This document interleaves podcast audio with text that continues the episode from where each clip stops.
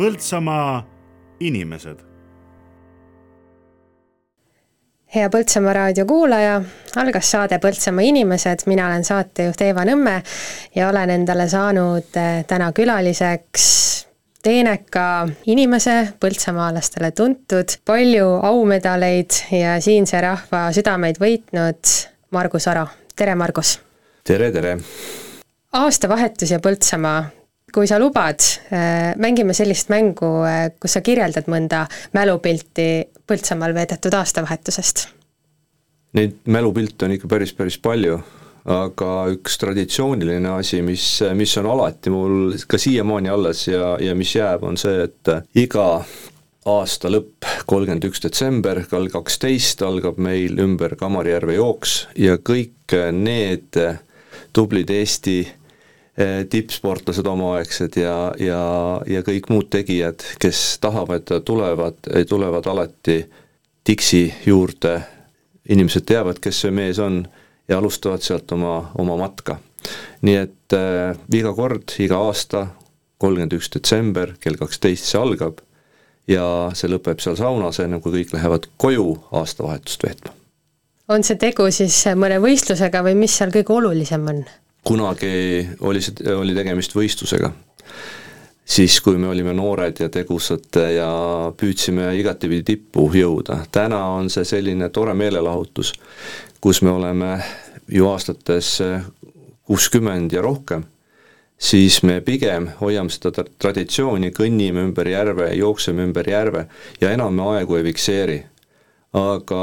mul on ääretult hea meel, et selline kunagi Põltsamaalt alustanud sportlaste punt eh, käib koos, olgu see alates Toivo Koovitist või, või mitmekordselt Eesti medalistist Kalle Ojassalust või või ükspuha, kes siit on tuuletiibadesse saanud, et nad tulevad jälle ja me räägime oma jutud ära, meenutame vanu aegu, vaidleme alati, mitmes jook see meil on, aga jõuame alati kokkuleppele, nii et äh, see on mitte aja peale, aga vanade aegade mälestuseks no et kuskilt pihta hakata, kerime tagasi lapsepõlve. Põltsamaa inimeste saates me ikka vaatame kõige algusesse tagasi sa kasvasid peres, kus isa tegutses Põltsamaa kombinaadis konservitsehhi juhatajana, sinu ema oli tuntud raamatukogu juhataja üle maakonna. millisena sa kirjeldad seda lapsepõlve Orode perekonnas Põltsamaal? minu meelest oli see täiesti muretu lapsepõlv. Ja miks, sellepärast et ega mind väga kusagile ei suunatud ja, ja midagi tegema otseselt ei sunnitud, et meil olid mingisugused põhireeglid kodus paigas ja selle järgi tuli, tuli siis käituda, aga eks need reeglid vahepeal läksid jälle meelest ära. Ja, ja nii juhtus tihtipeale, et noh, midagi jälle mm, toimus, mille peale ema või isa siis ei olnud õnnelik, et et ega ma selline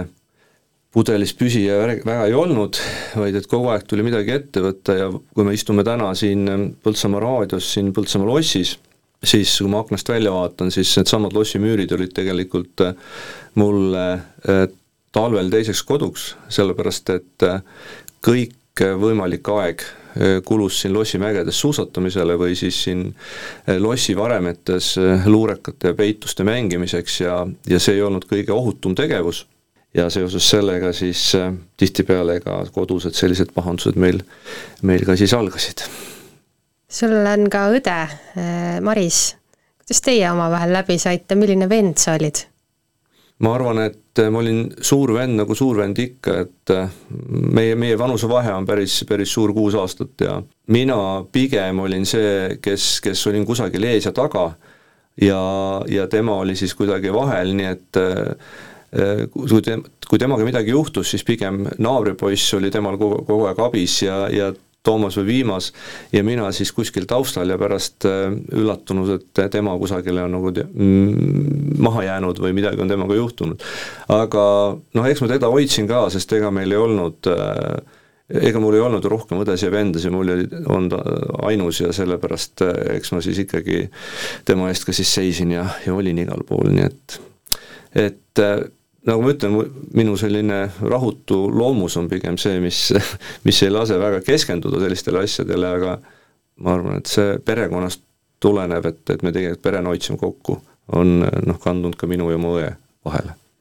aga kui vanemate peal veel korraks peatuda, siis äh, mida vanemad oma valikute ja ametisuundadega, kui sa täna sellele tagasi mõtled,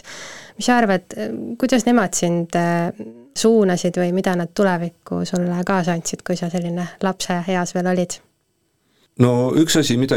mida kindlasti kodus hinnati, oli, oli tegelikult vabadus ja selline otsustusvabadus ja see andis mulle nagu palju kaasa selles osas, et et sellest võis tekkida selline äh, areng, kus, kus tegelikult selline loovus kasvas ja arenes, sest äh, me teame, mis aeg see oli, ma kasvasin ju põhimõtteliselt teadlikult seitsmekümnendatel see oli aeg, kus väga palju sellist kõrvalekaldeid ei aktsepteeritud, aga meie kodus, kodus teatud järjepidevust peeti ja, ja eelkõige võib-olla olid, olid mul vanaemad need, kes, kes hästi palju tõid mind tollest ajast nagu viisid tagasi vaba Eesti aega, et miks see nagu oluline oli, oli see, et ühel vanaemal oli jõululaupäeval sünnipäev ja, ja meil jõule peeti. aga isegi selle kontrollimise käigus, mida tollel ajal tehti, oli see, et, et noh, vanaemal oli sünnipäev ja ja siis räägiti kõik need jutud ka ära nii et, et, et see mõjutas mind kindlasti ja teine pool oli just nimelt see, et, et noh, vanemad olid hästi tegusad, et nad noh, nad püüdsid kogu, kogu aeg edasi liikuda, saavutada midagi ja eks see jättis ka minusse jälje, et tegelikult noh, kui sa tahad midagi teha, siis sa ei pea seda kartma ja, ja et samas sa ka vastutad oma tegude eest, kui need ei ole äh, ajakohased või, või, või inimestele arusaadavad. nii et äh, ma arvan, et need on need asjad, et mõlemad tegelikult olid ju juhid omas ajas, juhtisid seda nii palju, kui see aeg võimaldas ja, ja jälgisid neid reegleid, aga minule see sellise hea tunde jättis koolipõlv keskkooliastmes kulges siin Põltsamaa keskkoolis. ja kui me täna räägime Põltsamaa raadioeetris, siis see ei ole absoluutselt esimene Põltsamaa raadio. võib-olla küll sellisel kujul, aga kooli ajal oli ka käimas Põltsamaa raadio, mida siis tehti toonases Põltsamaa keskkoolis. kuidas teil see plaan ja teostus sujusid, mõni seik ehk nendest aegadest? Jaa, tõesti, see on olnud ja seda hea südamega ja hea tundega on hea meenutada, sellepärast et need inimesed, kes tollel ajal raadit, raadiot tegid, noh, need on kõik tublid, tublid tegijad täna. üks nendest sinu enda ema. see tegelikkuses oli nii, et, et ma püüdsin kaks korda Põltsamaa koolist ära minna, et ükskord olin,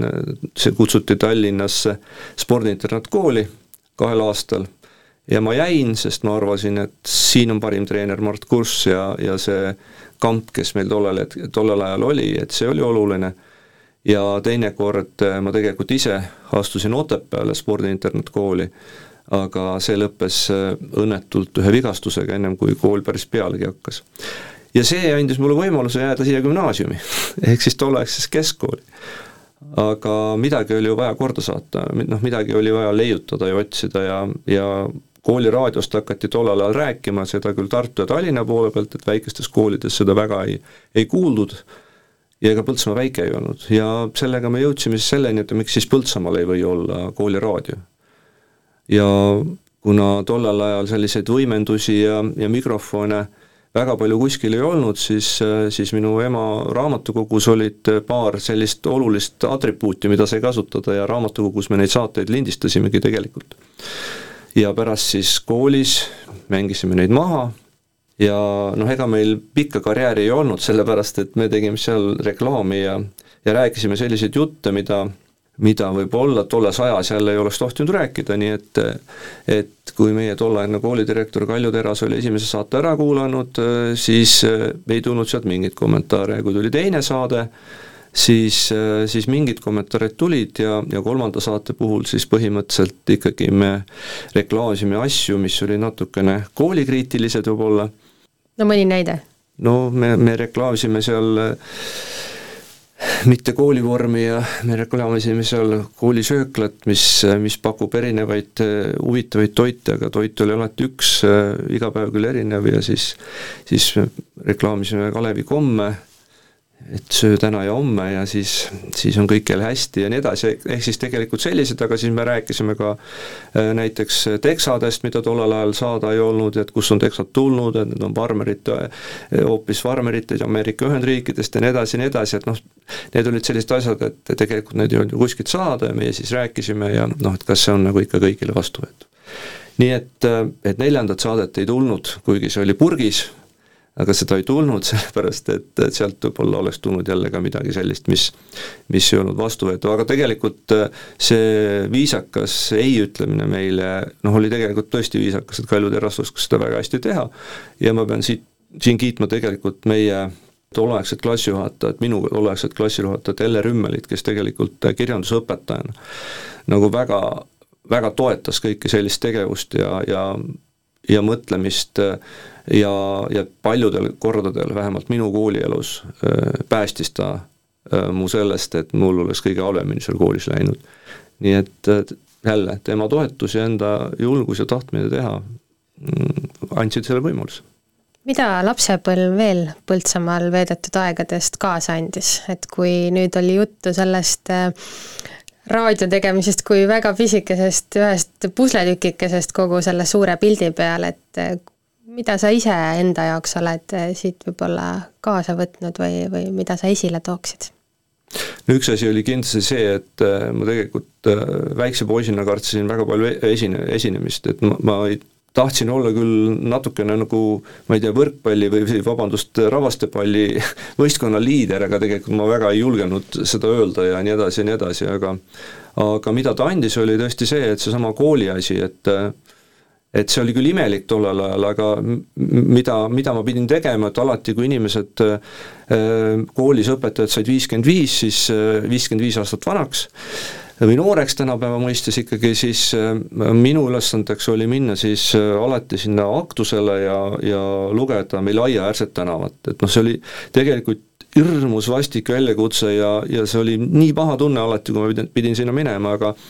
aga õpetajad kuidagi soosisid ja nagu ma mainisin siin Elle Rümmelit, et noh, tema ikkagi nägi kah, et, et noh, see on oluline ja, ja inimestel on see tähtis ja siis ma läksin, tegin kraapsu jälle, lugesin neid, lugesin neid, ma ei tea, vist peaaegu põhikooli lõpuni välja. aga see sundis nagu ennast kuidagi reguleerima, et okei okay,, et seal tõesti asi olegi nii hull ja hirmus. ja, ja kui ma nagu edasi mõtlen, siis noh, see andis tõuke ka mingiks uueks tegevuseks, mis pärast kooli juhtus aga, aga see on kindlasti üks asi, mis on nagu meelde jäänud, et noh, et ühel hetkel sind võidakse lükata kuskile ette ja siis sa pead seal hakkama saama. et see oli, oli üks asi, mis Põltsamaast ja Põltsamaa koolist on mul jäänud ja tegelikult teine pool, mis on väga selgelt äh, mind mõjutanud, õpetanud kindlasti äh, olema selliste suurte isikute pundis, oli, oli see meie tre-, treeninggrupp. et äh,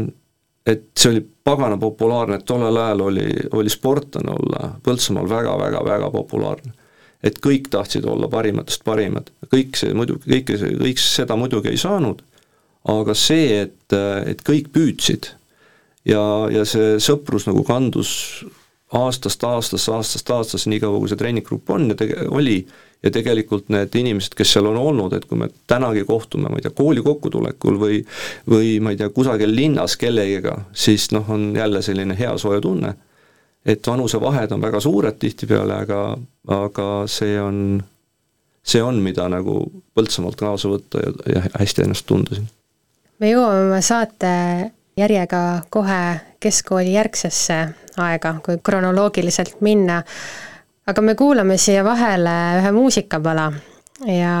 see on sinu enda valitud Metsatöll oma laulu Ei leia ma üles. mis sõnumi see annab? keskkooli lõpus olid äh, mitmed sellised, äh, minu jaoks mitmed sellised otsustavad hetked, et äh, et ma ei, ma ei teadnud, mida teha, et mul isa nägi väga selgelt seda, et et et kus ma võiksin õpinguid jätkata, noh, ta ei öelnud seda kunagi välja, aga ma nägin seda ja kus see oli siis? Noh, tegelikult äh, isa tolleaegne tipp siis, tänane TalTech, eks ole, et ma arvan, et tema soov oli seda, et ma läheksin seda teed, sest tema oli ettevõtja, ettevõtluse poole peal. Aga mul endal oli, oli nagu kõva segadus, et äh, ma, ma, ma ei teadnud tegelikult, mis või kus või kuidas asi käib ja ja kui viimases klassis oli ka selliseid hetki, kus äh, nagu, et kas see kool ikkagi läheb lõpuni, et siin on see, kes mäletavad tollest ajast, et me, me rikkusime sellist äh, alkoholiseadust oma lõpusõrmustega Kultuurikeskuses, mida ma siis paari sõbraga organiseerisin kes siis olid juba kaheksateist saanud ja kes said Põltsamaa veini osta ja, ja me püüdsime siis äh, kõiki lõpetajaid tolleaegseid, keda oli sada, siis sõrmuseid äh, sundisime neid lunastama läbi, äh, läbi veinisõõmu. ja noh, see tõi nat-, natukene pahandust, mis, mis ei olnud pärast enam natukene, aga, aga noh, ja, ja see, see pani nagu sellel viimasel kooliaastal oma sellise varjundi, et väike protest oli sees ja nii edasi, aga aga kõik kõik lõppes õnneks hästi nii mulle kui ka kooli lõpetamise puhul, aga aga sel lõpuhetkel ma ei teadnud, mida ma teen. Ja, ja võib-olla see laulu, see sõnum ongi see, et et, et sa otsid, sa tead, enam-vähem sul spekter on ees, aga sa ei saa pihta, sa ei saa pihta.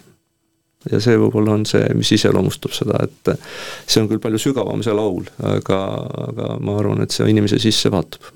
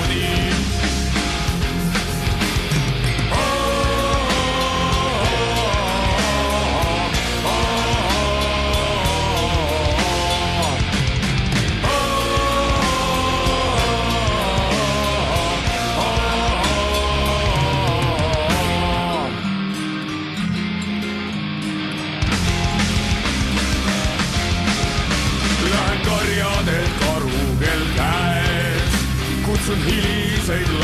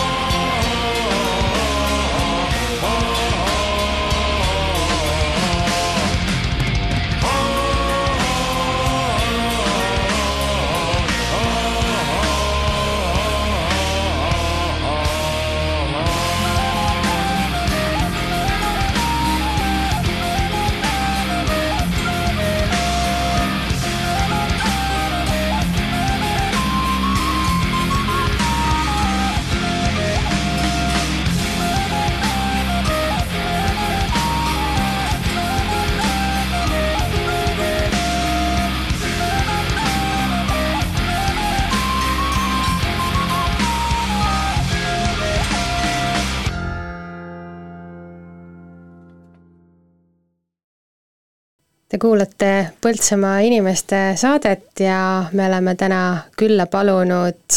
Jõgevamaa kunagise maavanema, meie enda Põltsamaa linna aukodaniku Margus Oro. ja kui saate esimeses osas rääkisime me lapsepõlvest Põltsamaal ja ka kooliajast, siis nüüd oleme jõudnud järku, kui pärast Põltsamaa keskkooli viis elu sind Tallinnasse ja sa õppisid alates tuhande üheksasaja kaheksakümne teisest aastast äh, Riikliku Konservatooriumi lavakunsti kateedris. kuidas see valik sündis? tegelikult see valik sündis äh, ühel, ühel lihtsal põhjusel et kui ma mõtlesin selle peale, kus siis õppima minna, kui ma olin segaduses, siis siis lavakunsti kateedris olid eksamid kõige esimesena ja kõigist teistest kõrgkoolidest ja ma ütlesin, et noh, et kui ma nagu failin või läbi kukun seal, et siis mul on järgmine võimalus. ja, ja nii läkski, et lavakunstikateedri need esimesed esimesed katsed, enne kui üldse eksamitele pääseda, toimusid juba juunis ja me tavaliselt ju lõpetasime juuni lõpus keskkooli. ja nii ma siis sinna otsustasingi minna et vaatan, mis siis juhtub ja mis sealt siis saab. ja ega ma ei teadnud väga palju, ma kuulsin lihtsalt imelisi lugusid sellest, et ma läksin lihtsalt proovima, ega nii see on, et äh, sa lähed sinna ja seesama jälle, et, et kui ei proovi, siis ei tea, mis juhtub. ja mulle võib-olla me-, noh, meeldis ka see asi, et tolleaegse kursus võttis Aarne Üksküla ja, ja seal oli Lembit Peterson ühe õppejõuna meil, Jüri Järvet ühe õppejõuna, Kalju Orro ja, ja, ja veel mitmeid selliseid tublisid noh, õppejõudusi. Ja, ja ma teatriga olin nagu, püüdsin vaadata võimalikult palju ka lapsepõlves teatrit. et see, see kuidagi nagu sobis, nii et ma läksin. Ja see, mida võib-olla sellel hetkel, mille peale ma jälle trotsi kandsin, oli see, et et kui mind teise vooru kutsuti, siis sellel ajal toimusid meil suvepäevad Peipsi ääres. Ja pidin sealt suvepäevalt ära minema. Ja kõik sõbrad, kõik lõpetajad, kõik jäid sinna, mina pidin minema lavaka teise vooru katsetele, teadmata, kas ma kunagi üldse sinna jõuan, aga et see on mul hästi meeles, et isa tuli järgi ja noh, isa ei väljendanud oma nagu sellist, et ta ei, ta ei taha, et ma sinna lähen, aga ma, ma nägin, et noh, tegelikult see oli ikkagi talle, noh, pagana poiss, et noh, tee midagi tõsisemat. aga, aga ei, jah, et äh, see, sellega see algas kõik. nii et sinust oleks võinud saada näitleja? jah, minust oleks võinud saada näitleja ja noh, paljud on nagu küsinud tagantjärgi ka tänapäeval, et noh, et ikkagi, miks sa sealt ära tulid, et see on nagu nii ainulaadne võimalus. ja ega ma väga täpselt aru ei saa, aga ma arvan, et see oli vast selline üks äh, murdehetk elus, et äh,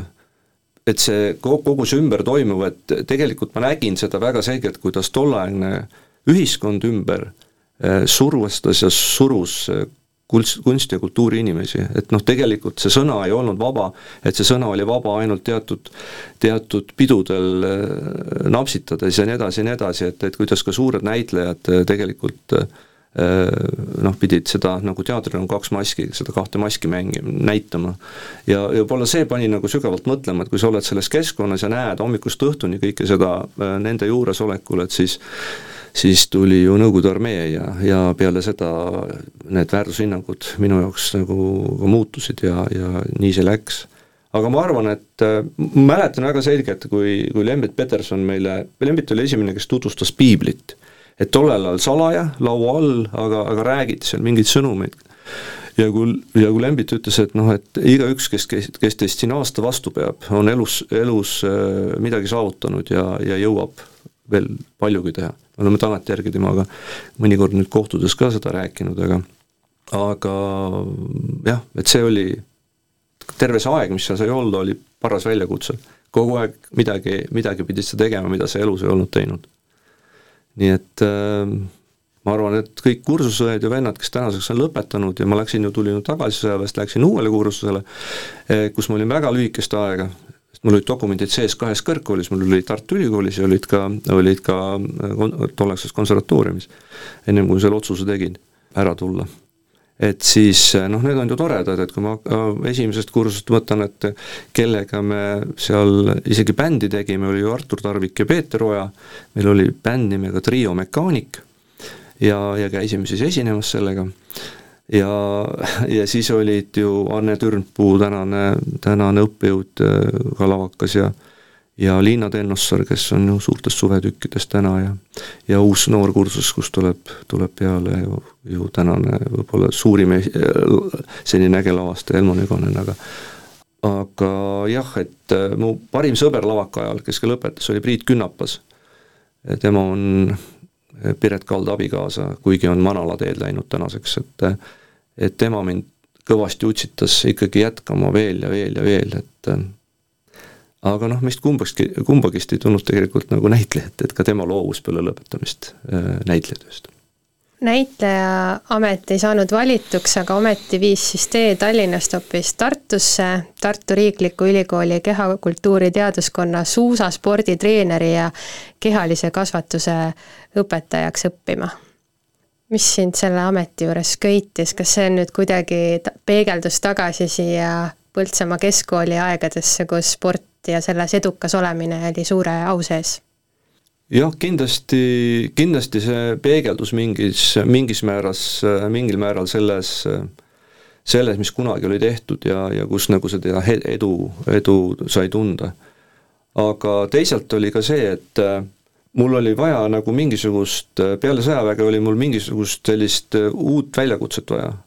ja see väljakutse tundus äh, selline, et äh, no ega ma ei olnud ju aastaid enam sporti teinud päris tõsisel tase, tasemel ja siis äh, siis et noh, kehakultuuri minek, et seal on samamoodi katsed kõigepealt ja siis vaadatakse, et kas ja kuidas ja, ja mis, et et see valik ja seesama suusatamine, et noh, mulle tegelikult suusatamine meeletult meeldis, kuigi ma Põltsamaal olin ju tegelenud kergejõustikuga ja kergejõustiku kõrvalsuusatamisega, Põltsamaa nii lage, nagu ta oli siin, e, sõidetud ka Eesti meistrivõistlusi ja nii edasi, et noh, seal ei olnud nagu suurt edu, aga, aga kergejõustikus ju ka oli aga kergejõustik oli nagu läbitud tee, et see, neil oli aastaid, oli seda tehtud ja treenereid kõrvalt nähtud ja nii edasi, siis sellepärast sai suusaeriala valitud, et noh, jälle põnev. et saad rullidega suvel sõita ja, ja mäge, siis sa õpid erinevaid suusaalaliike, nii, nii suusahüppeid kui ka slaalomit ja kõike muud, mis tollel ajal ka proovida sai. Et, et sellepärast see valik ja tollel ajal tõesti oli see, et kui ma astusin sisse ülikooli, siis seal oli suusasporditreener ja viimasel aastal siis lisati meile, meile ka siis see kehalise kasvatuse õpetaja õpetamise nagu metoodika ja et me saime seda ka siis koolis, koolis ka õpetajana töötada. ja edasi oligi lugu selline, et Põltsamaa keskkooli kehalise kasvatuse õpetajaks ja treeneriks Äh, jah, mul olid, vahepeal oli veel to palju toredaid asju, et äh, ma võtsin naise, ka põltsamaalanna, Eve Tuhkur oli ta noorest peast, äh, kandis sellist nime, ja kaheksakümmend seitse aastal sündis meil esimene laps, nii et me olime mõlemad üliõpilased. ja kui mina kaheksakümmend üheksa lõpetasin, siis tegelikult oli mul mõne, olid mul mõned valikud, aga tollel ajal oli tähtis see, et keegi lubab sulle korterit ja keegi eh, pakub sulle kindlat töökohta. Eh, see oli juba selline aeg, kus noh, natukene oli natuke segadust palju. ja tolleaegne koolidirektor Kalju Terasvel oli ametis, kes, kes leidis, et noh, et tema tegi pakkumise hästi selgelt, tollel oli ülikoolides see, et kes olid suunatud, need läksid sinna, kus nad olid suunatud, minul suunamist ei olnud ja, ja siis Kalju Teras tegi siia kooli selle pakkumise. Ja siis oli veel paar, paar sellist pakkumist, aga millest ma pidin loobuma, et üks noh, võib-olla see on põnev, et üks oli, oli ka see, et naiste ja juunioride koondis nais-, moodustus ja Alaver oli tollel ajal siis hästi, hästi aktiivne selles teemas ja siis oli mingisugune mõte ja jo-, jooksis mingisugune jutt ka selles osas, et et sinna päris suusatreeneriks minna, aga see eeldas väga selgelt äh, ringi sõitmist mööda Nõukogude Liitu ja et sa oleksid võinud Alaveri kolleegiks saada? oleks võinud, mine tea, kuidas see oleks läinud, aga aga jah, et selliseid äh, väljakutseid treenerina oli, oli noh, mit-, mitmeid ka siin Eestimaal, aga noh, mul oli tollel ajal juba naine ja laps ja kindel koht Põltsamaa, nii et, et lõpuks see valik, kui seda otsust tuli teha, mäletan, see oli vist kuu või kaks enne lõpetamist, siis, siis see jäi Põltsamaa peale väga selgelt. õpetaja ametit pidanuna ja üldse haridusvaldkonnas tegelenuna ma nüüd küsin sellise üldisema küsimuse, et eh, millise ambitsiooni ja, ja tahtega inimene sobib üldse õpetajaks? ma seda ambitsiooni ja tahet isegi ei oska öelda, aga see, mida ma olen küll öelnud ja Tallinna Ülikool, ülikooli arendusrektor on, on kutsunud mind mõni aasta tagasi sinna ka esinema. et minu ja, minu meelest on täna kõige olulisem see isiksus, see õpetaja isiksus, kes astub sinna klassi ette, need isiksuse omadused peavad sul olema sellised, et sind jäädakse kuulama, et sind jäädakse jälgima. ja, ja siis püsib ka see õhkkond selline, mis õppimist soo-, soosib, et tihtipeale satuvad valed inimesed valesse kohta, targad ja tublid inimesed, aga nad ei ole need, kes seisaksid teiste inimeste ees ja, ja neile räägiksid sellest, mida, millest need noored veel midagi ei tea. ja siis, siis on suusad ristis ja siis ongi halb tunne nii õpetajal kui õpilastel ja kõigil muul. Nii et tegelikult oma see silmavaade ja teadmine peab olema kindlasti hea, aga just see isiku oma, isiksuse oskused ja omadused, et seal püsida, see on teine, sest tegelikult äh, ju hariduses on ju ka, et, et ühe aastaga sa tulemust ei näe. sa näed aastatega tulemust ja see, järelikult sa pead nii kaua ise olema õpetaja nii tugev, et sa, sa kannatad selle valu ära ja, ja siis, siis hakkab ta tulema. Õpetajaametist edasi kasvas välja võimalus äh, olla Esku lasteaed algkooli juhataja positsioonil? noh jah, et, et tegelikult ega mina, ma tegelikult, ma arvan ise, et ma ei olnud hea õpetaja, et äh, ma olin väga range ja, ja ma olin,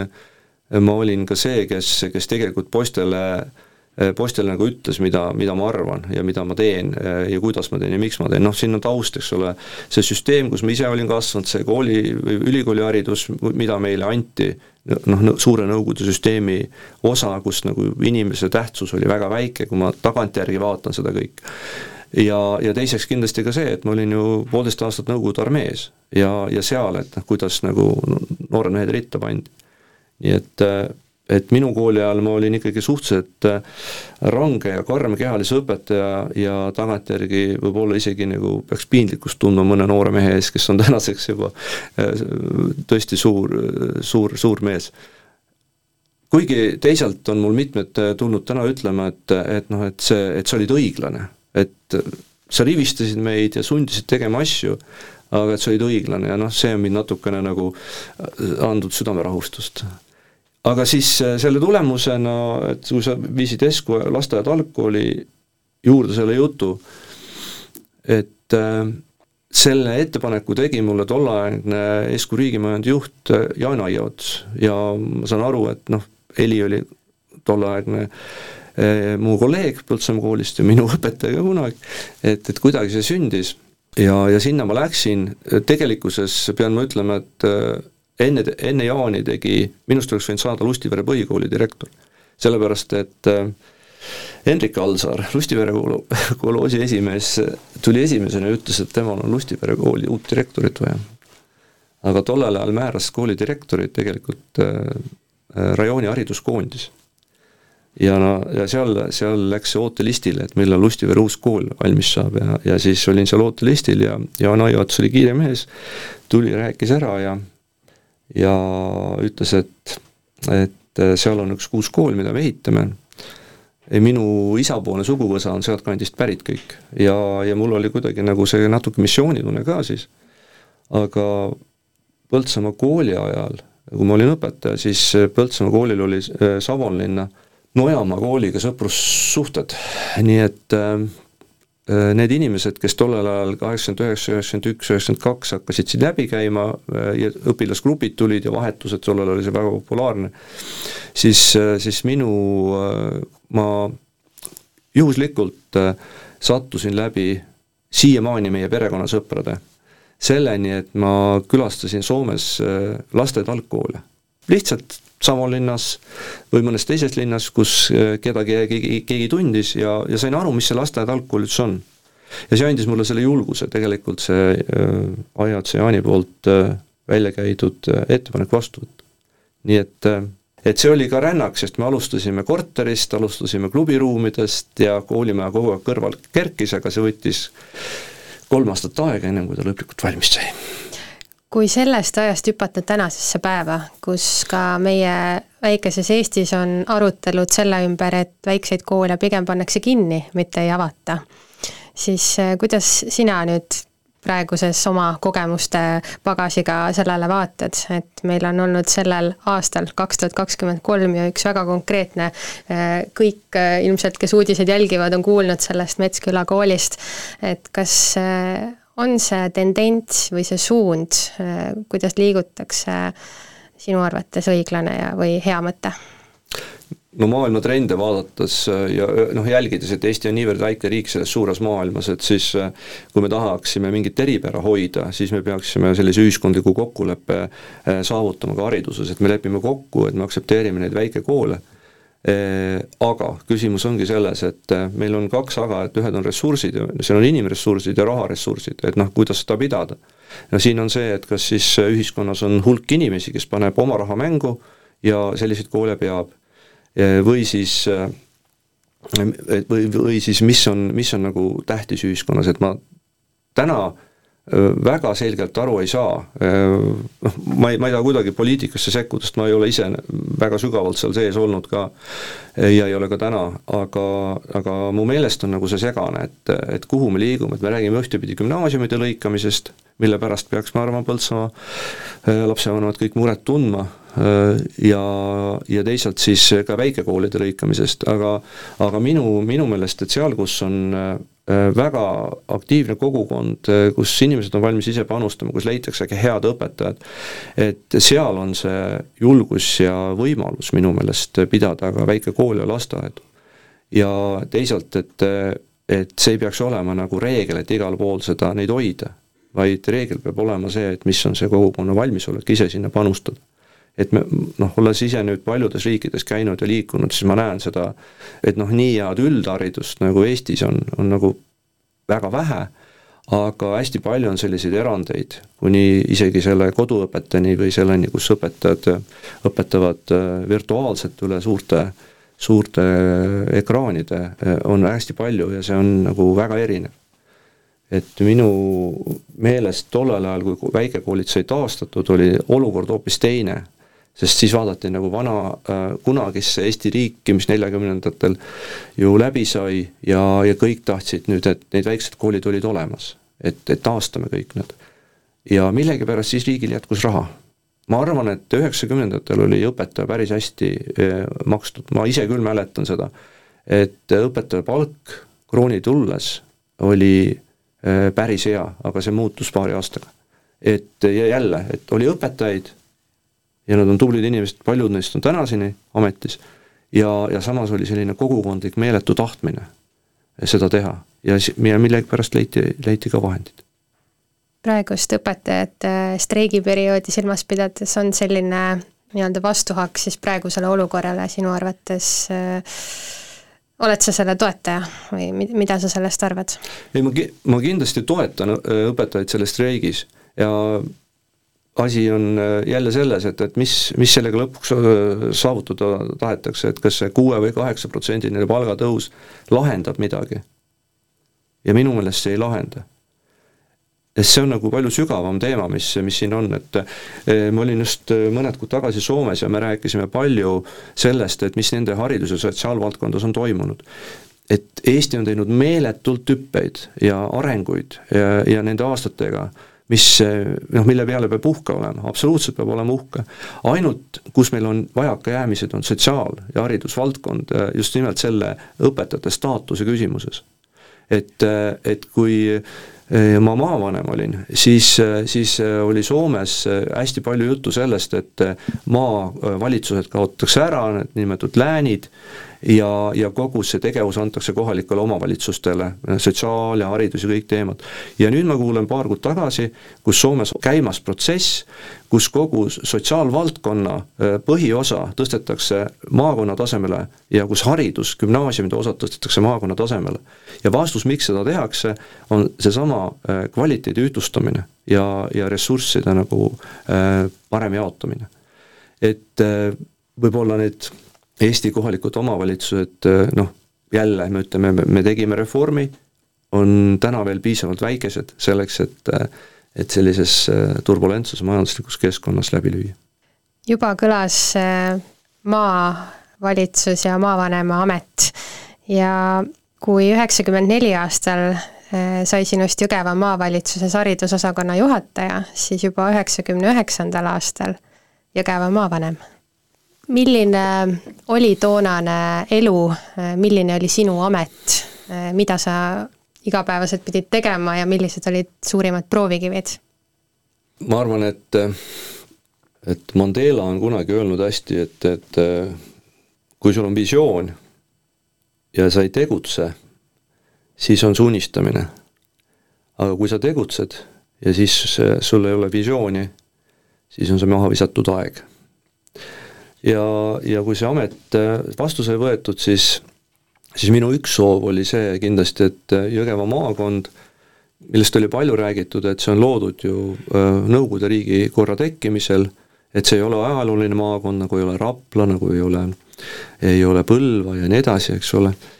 siis et et noh, avada teda inimeste jaoks rohkem, rohkem ja, ja, ja olla natuke innovaatilisem teatud asjades, noh, tollel ajal võib-olla see sõna innovaatiline oli, on, on nagu liiga, liiga käre, aga, aga tegelikult välja nagu paista. ja me tegime palju, paljusid selliseid põnevaid asju, ma arvan, et see tiim oli väga hea seal, meeskond, ja tolleaegne olukord oli siis selline, et esimene kriis, mis meid oli löönud, Vene kriis üheksakümmend kaheksa mõjutas veel sellel hetkel, me hakkasime Vene, Vene, Nõukogude Liidu küljest siis jah, Vene Föderatsiooni küljest lahti ennast rebima, aga see majanduslikult tõi kõvasti, et paljud firmad läksid pankrotti ja nii edasi. ja samas, samas hakkas meile ju sisse tungima seesama, millest me ennem just rääkisime, et sama koole ikkagi oli juba palju ja, ja need koolid olid omavalitsustele üle antud ja ja õpilaste arv hakkas langema, hakkas ju linnadesse koondumine ja nii edasi ja nii edasi, et et neid väljakutseid oli mitmeid, aga, aga mitmete asjadega sai ka äh, edasi liigit-, liigutud, kogu see turismispekter, mis sai, mis aktiivselt sai üles võetud, samamoodi ma arvan, et me olime öö, äh, maakonnana pea iganädalaselt äh, Eesti Televisioonis ja nii edasi ja nii edasi, et noh, sellised asjad, aga selle nimel tuli kogu aeg tööd teha ja samamoodi välissuhted, et äh, me lõime esimese maakonnana äh, välissuhted poolakate ja Walesiga, ehk äh, siis need arengud, mida me sealt õppisime, me nägime, näiteks kogu see haridus, hariduse pool, mida Wales siis nagu meile tutvustas, selle ma sain kaasa võtta ka Tartu linnavalitsuse haridusosakonna juhatajana ja me käisime ka tel-, selle delegatsiooniga Walesis, et aru saada, kuidas reformida Tartu linnas, aga tollel ajal maavanemana noh, ma sain kõik selle, need sidemed, mis said omal ajal loodud, siis, siis kasutusse võtta, nii et et meil oli õhinapõhisust oli palju, see riigi loomine, tollel ajal oli see riik ikkagi ju ikkagi päris noor ja, ja see noh, ma arvan, et me ei kartnud nagu eksida, et me, me püüdsime parimat ja tegime parimat, et et edasi viia seda elu siin. Ja minu arust see maakond nagu vaatamata, et on kolmest piirkonnast koosnev, hingas ikkagi päris, päris ühtlaselt, et asju sai lahendatud, rääkides, arutades ja loomulikult oli vaidlusi ja, ja, ja eriti raha ümber, et kuhu piirkonda, mis investeeringut suunata. ja see oli põnev aeg, see oli pagana põnev aeg kuni aastani kaks tuhat kolm, kus maavanema amet devalveeriti. et kui sa ennem olid äh, alati selline tüüp, kes maavanemana, kes sõitis maakonnapiinest üle, äh, siis, äh, siis olid maakonna esindaja valitsuse juures ja kui sa tagasi sõitsid, siis olid valitsuse esindaja maakonnas ja noh, või, või siis vastupidi, et kuidas seda vaja keeratud oli, nii et maavanemate roll ja ülesanded olid väga selged. aga see muutus tõesti sellega, kui kui kahe tuhande kolmanda aasta valimistel pooled tolleaegsed maavanemad otsustasid kandideerida Riigikokku ja, ja, ja nad said kõik Riigikogu liikmeteks, siis tolleaegseks äh, siseministriks sai Margus Leivo kes oli kunagine Põlvemaa, Põlva maavanem ja regionaalministriks Tartu maavanem Jaan Õunapuu. ja nemad muutsid siis kogu maa, maavali, maavanemate äh, selle rolli ja valimise ja kõige korra ja kõik, kõik ära. et, et sellist mandaati enam maavanem, et meie istusime valitsuse istungitel tõstatasime oma maakonna küsimusi, kui need olid ministritele ette saadetud ja ja samamoodi see ametisse kinnitamine, et et siseminister valis kandidaadi, kandidaat pidi läbima kohalike omavalitsuste poolt, kõigi maakonna kohalike omavalitsuste poolt niinimetatud valijate, valijakogu hääletuse, kus ta pidi seda enamuse ja siis viis siseminister selle valitsusse ja valitsus kinnitas su ametisse, et noh, see mandaat oli, oli päris võimas ja, ja, ja tavaliselt kantslerid ütlesid, et kui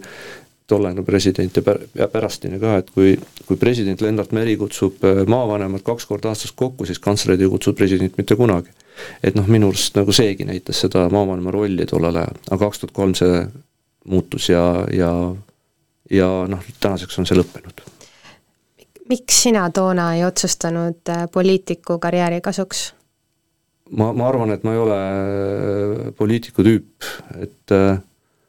et tegelikult ma olen nagu niisugune täitevvõimu inimene rohkem, et, äh, et see, kellele meeldib nagu toimetada, mitte, mitte filosofeerida ja, ja noh, leppida midagi selliseid kokku, mille, mis mu, mis mulle nagu väga ei sobi. et see vast oli põhjus, et et Põltsamaa linnas olen ma küll kolmel korral kandideerinud ja kolmel korral volikogus olnud, üks, ühel, ühel korral isegi üksikkandidaadina oma, saanud oma isikliku mandaadi, aga aga noh, seesama jälle, et ma ju nägin ka seal, et seal pead sa koalitsiooni moodustama ja kui koalitsioon ikkagi nõus ei ole teatud asjadega, noh siis, siis minu selline rahutus ei, ei anna sellele nagu aega oota, oodata me oleme jõudnud jutujärjega sinnamaani, et kuulata veel üks muusikapala ja ka selle valiku tegid sa ise ilusal sinisel toonaul, Strauss, miks see lugu? see lugu on, see lugu on seotud sellega, et minu töö on se-,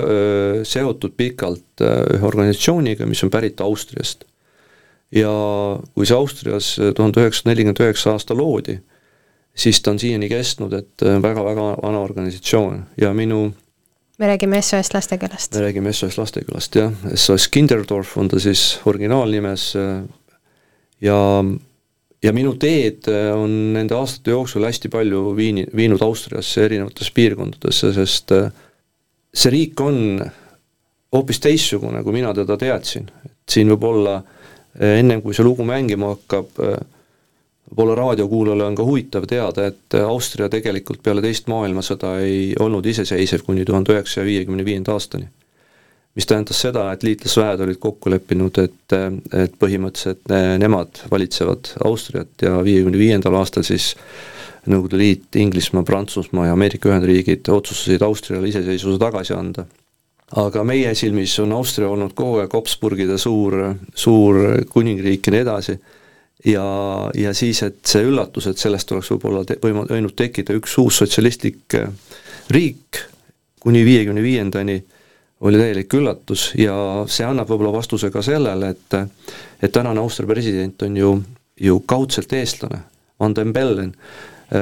kes on teist perioodi valitud Austria presidendiks ja kui vaadata, et mis hetkel temast sai Austria kodanik, et üldse kandideerida Austria presidendiks, siis oli see tuhat üheksasada viiskümmend kuus. nii et kui mina temaga kohtusin, siis, siis ta just ütleski, et ta oli no väga noor mees, neljateistaastane minu meelest, et äh, tema perekond otsustas siis Eesti kodakondsuse vahetada Austria kodakondsuse vastu. nii et see on võib-olla sissejuhatus sellele loole. ilusal sinisel toonaul ja Strauss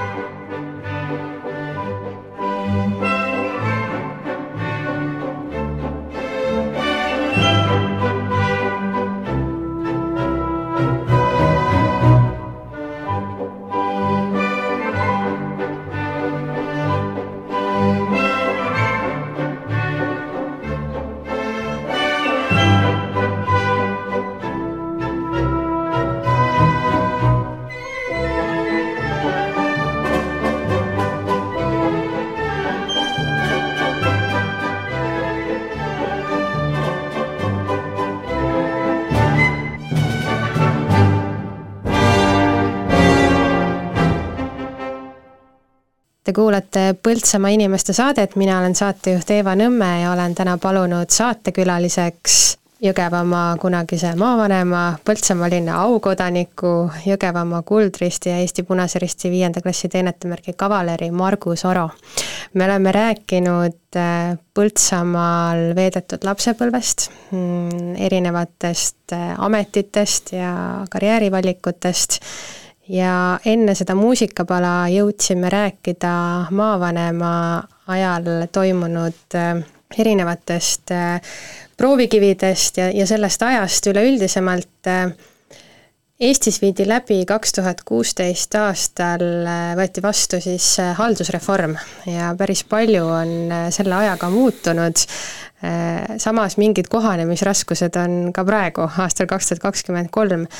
Kuidas sina vaatad Põltsamaa piirkonna käekäiku? sinu enda maavanema ajast on nüüd juba üle kümne aasta või ütleme nii, et kakskümmend, ütleme nii, et kakskümmend umbes, et äh, kuidas äh, Põltsamaal läheb? ma arvan, et Põltsamaal läheb päris hästi,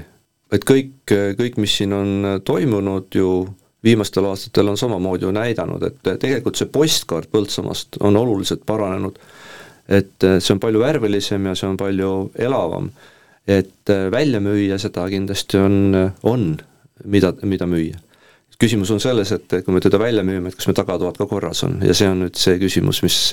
mis tähendab, et külalised võtad sa vastu siis, kui tegelikult on enamus tube korras, et noh, kas meil põltsamaalastena või mina pean ütlema küll endise põltsamaalasena, kuigi hästi raske on öelda, et kas meil on see korras või mitte. aga see haldusreform äh, tegelikult ei ole midagi uut, see läks väga lollakalt kalevi alla aastal kaks tuhat kaks kaks tuhat üks, kui maavalitsused tegid tegelikult hästi palju uuringuid ja ja, ja tõmbekeskuseid ära kaardistasid ja Tartu Ülikooli ja, ja erinevate teiste ülikoolidega samamoodi. ja Tarmo Loodus siseministrina tollel ajal, meie siin naabermees Viljandist oli siseminister tollel ajal ja tema, tema juhtida oligi see haldusreformi ettevalmistamine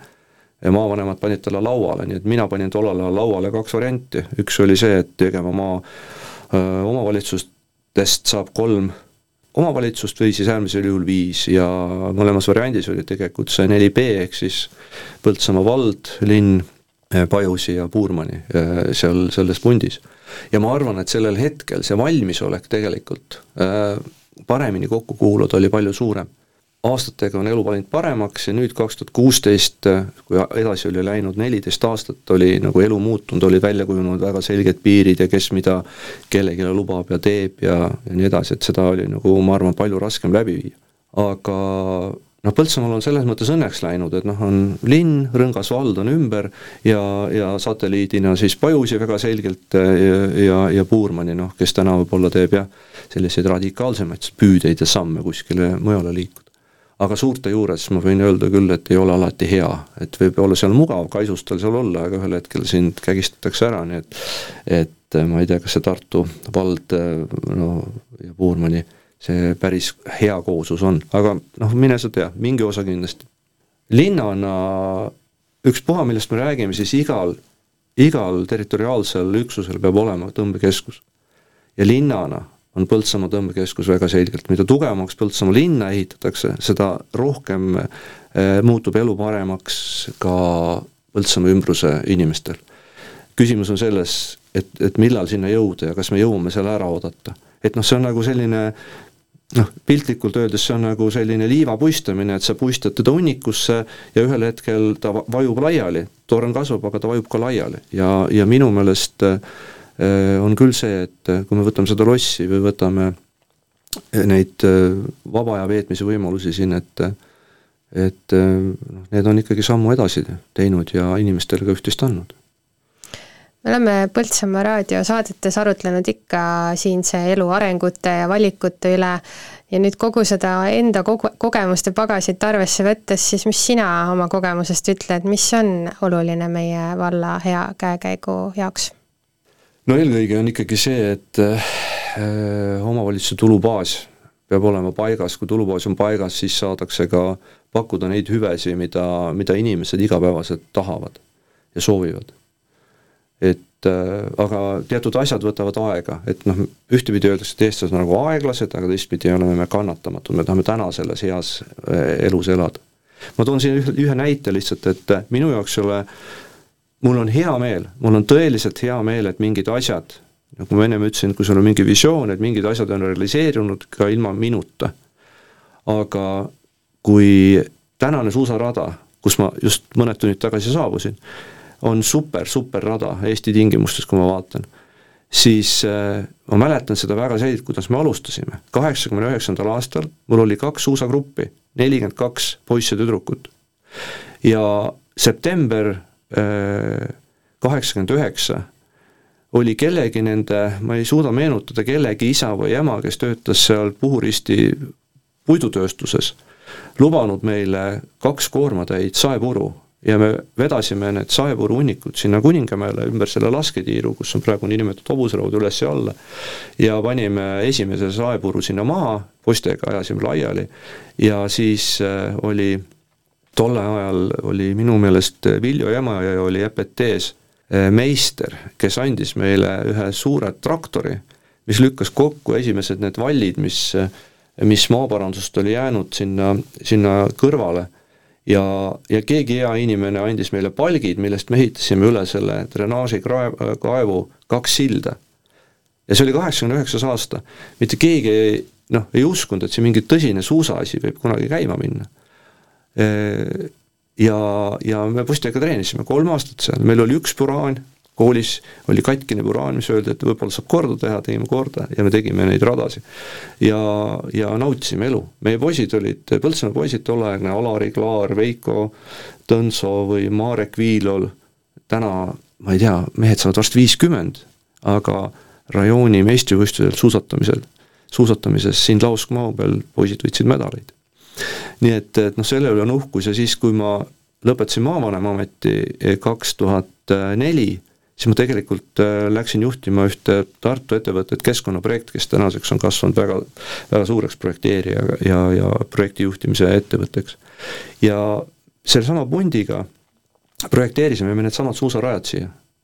nagu me tegime ka koos sakslastele sama pundiga selle veekeskuse Kamarisse, kus nagu veepuhastusega noh, Ain Volole ja Toivo Tõnsonile tänud, kes ütlesid, et kuulge, noh, midagi oleks vaja, teeme ära, me projekteerisime need põhjad ja kõik tegime ära seal. ja nüüd, kui me mõtleme, et see oli kaks tuhat viis, kaks tuhat kuus, siis alles mõni aeg tagasi avas Kamar ennast, eks ole, mõni aasta tagasi ja, ja mõned ajad tagasi alustasime me selle tervisterada, terviseradadega. nii et asjadel on peiteperiood, lihtsalt tuleb kannatada ja oodata ja leida need inimesed, kes ühel hetkel nagu need ellu viivad mis on siis need äh, nii-öelda seemned, mis tuleks mulda panna, mis võib-olla hakkavad kasvama alles äh, mõnekümne aasta pärast, kui niimoodi visionäärida nüüd mm? -hmm. Ma tean, et teil oli siin mõni aeg tagasi Eldur Meerits, kellega me oleme ka tihtipeale vanasti eh, arutanud ja rääkinud ja tundnud ennast põltsamaalastena. aga no näiteks, kui ma võtan selle, et üks asi, mida ellu ei ole viidud ja ma arvan, et me oleme hiljaks jäänud, aga võib-olla veel ei ole, on see, et kui me kaks tuhat viis või kuus tegime Põltsamaa arengukonverentsi, kus Kultuurimaja tollane, kultuurikeskus siis täna, saal oli rahvast täis, erinevaid inimesi ja kus meil oli terve rida selliseid esinejaid, kes viskasid välja visiooni. ja seal oli, või mõtteid, millest siis visioon pidi saama ja seal oli väga selgelt, Heldur ütles ühe asja, et Põltsamaa, et kui me Põltsamaa gümnaasiumi tahame täisväärtuslikult, täisväärtuslikult säilitada ja edasi viia, tuleb hakata õpetama seal hiina keelt. see oli kaks tuhat kuus, meie arengukonverents on lindistatud, selle kohta on raamat võib-olla ei ole veel hilja, aga ma arvan, et sellel on perspektiivi ka tänapäevases pil-, pilgus, kas keegi korjab selle üles või mitte, ei tea. või kui äh, Peep Edmonson ütles äh, mõtte välja, et et loss on äge asi küll, kas meil selle peale hammas hakkab, aga et kui me loome loo Põltsamaa jõest, siis Põltsamaa jõgi kaevati käsitsi. miks ei peaks me panema ajaloos äh, sellesse, keset seda jõkke täna suure betoonist labida, näitamaks seda, mida põltsamaalased on kunagi saavutanud. ja, ja nii edasi, et noh, sealt tuli palju selliseid, selliseid mõtteid, noh üks asi küll võib öelda, mis on sooritunud, et Jaanus Pulles esines tollel ajal, kes juhtis USA liitu ja ja, ja ka terviseradasi, ütles, et suusarajad on vaja ära valgustada. ja ma, ma tean, et see siis läks käidu, sest Margus Metsmaa oli tollel ajal saalis ja kirjutas siis kohe ka projekti ja siis tuli seal tempel peale ja suusarajad said valgustatud. et noh, et selliseid asju ma räägin, mis paneksid inimesi mõtlema, koos mõtlema, arutama, mis on siis tähtis täna selleks, et Põltsamaa edasi areneks. et, et ne-, nendest on natuke puudu minu meelest. et me tegelikult ei tea ja siis, kui keegi mõte välja, siis läheb võib-olla selles, et sellist ühist hingamist ei ole, vaid igaüks pigem äh, ütleb, et ei, see päris hea ei ole, mis sa asemele pakud, noh asemele ka veel midagi ei paku, et äh, aga sellised suuremad äh, arutelud võib-olla viivad selleni, et, et leitakse ühisosa, mis, mis, mis tulevikku vaatab. sa mainisid enne, et sa pead nimetama iseennast praegu endiseks põltsamaalaseks. kas see on midagi sellist, mis võib ajas veel muutuda tagasi põltsamaalaseks? jah, see on seesama don't never say never, never aga ära kunagi ütle iial. et, äh, et miks mitte, miks mitte tegelikult, et et mul on ju siin isa ja õde tegutsemas ja, ja samamoodi on abikaasa isa siin tegutsemas veel ja me oleme siin päris tihti. aga tõesti, äh, ma ei ole siia sisse kirjutatud ja ma ei maksa siia ka makse. ja, ja senikaua, kuni, kuni on väljakutseid laias maailmas, siis, siis ma arvan, ja, ja tervist jätkub, et siis ma arvan, et, et ma peaks nagu võtma nii palju veel, kui saab mujalt. et võib-olla nende teadmiste, kogemustega siis, kui tulla, siis, siis rakendada ja pakkuda neid välja siin. meie Põltsamaa inimeste saade Margus Aroga on nüüd lõpuni juba jõudnud, aga ma ühe kõige viimase küsimusena siia meie saadet jätaks lõpetama mõtte, mis tuleb sinu enda poolt ja meil on aasta lõpp käes ja aasta lõpus ikka soovitakse midagi uueks aastaks. ja sul on nüüd see suurepärane võimalus soovida midagi meie Põltsamaa raadio kuulajatele sa, sa juhtisid mind ilusti nendele mõtetele, et mis võiks teha ja kuidas võiks teha, et et et ähm, see pani mõtlema ühe,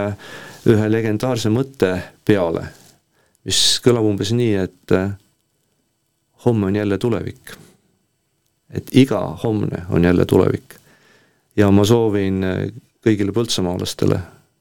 ja teile ka, raadiotegijatele, et äh, homme on jälle tulevik ja see tulevik on alati parem kui, kui täna. nii et ilusat aasta lõppu kõigile ja, ja uskuge alati läheb paremaks. Te kuulasite Põltsamaa inimeste saadet, mina olen saatejuht Eeva Nõmme ja meil oli täna külas Margus Aro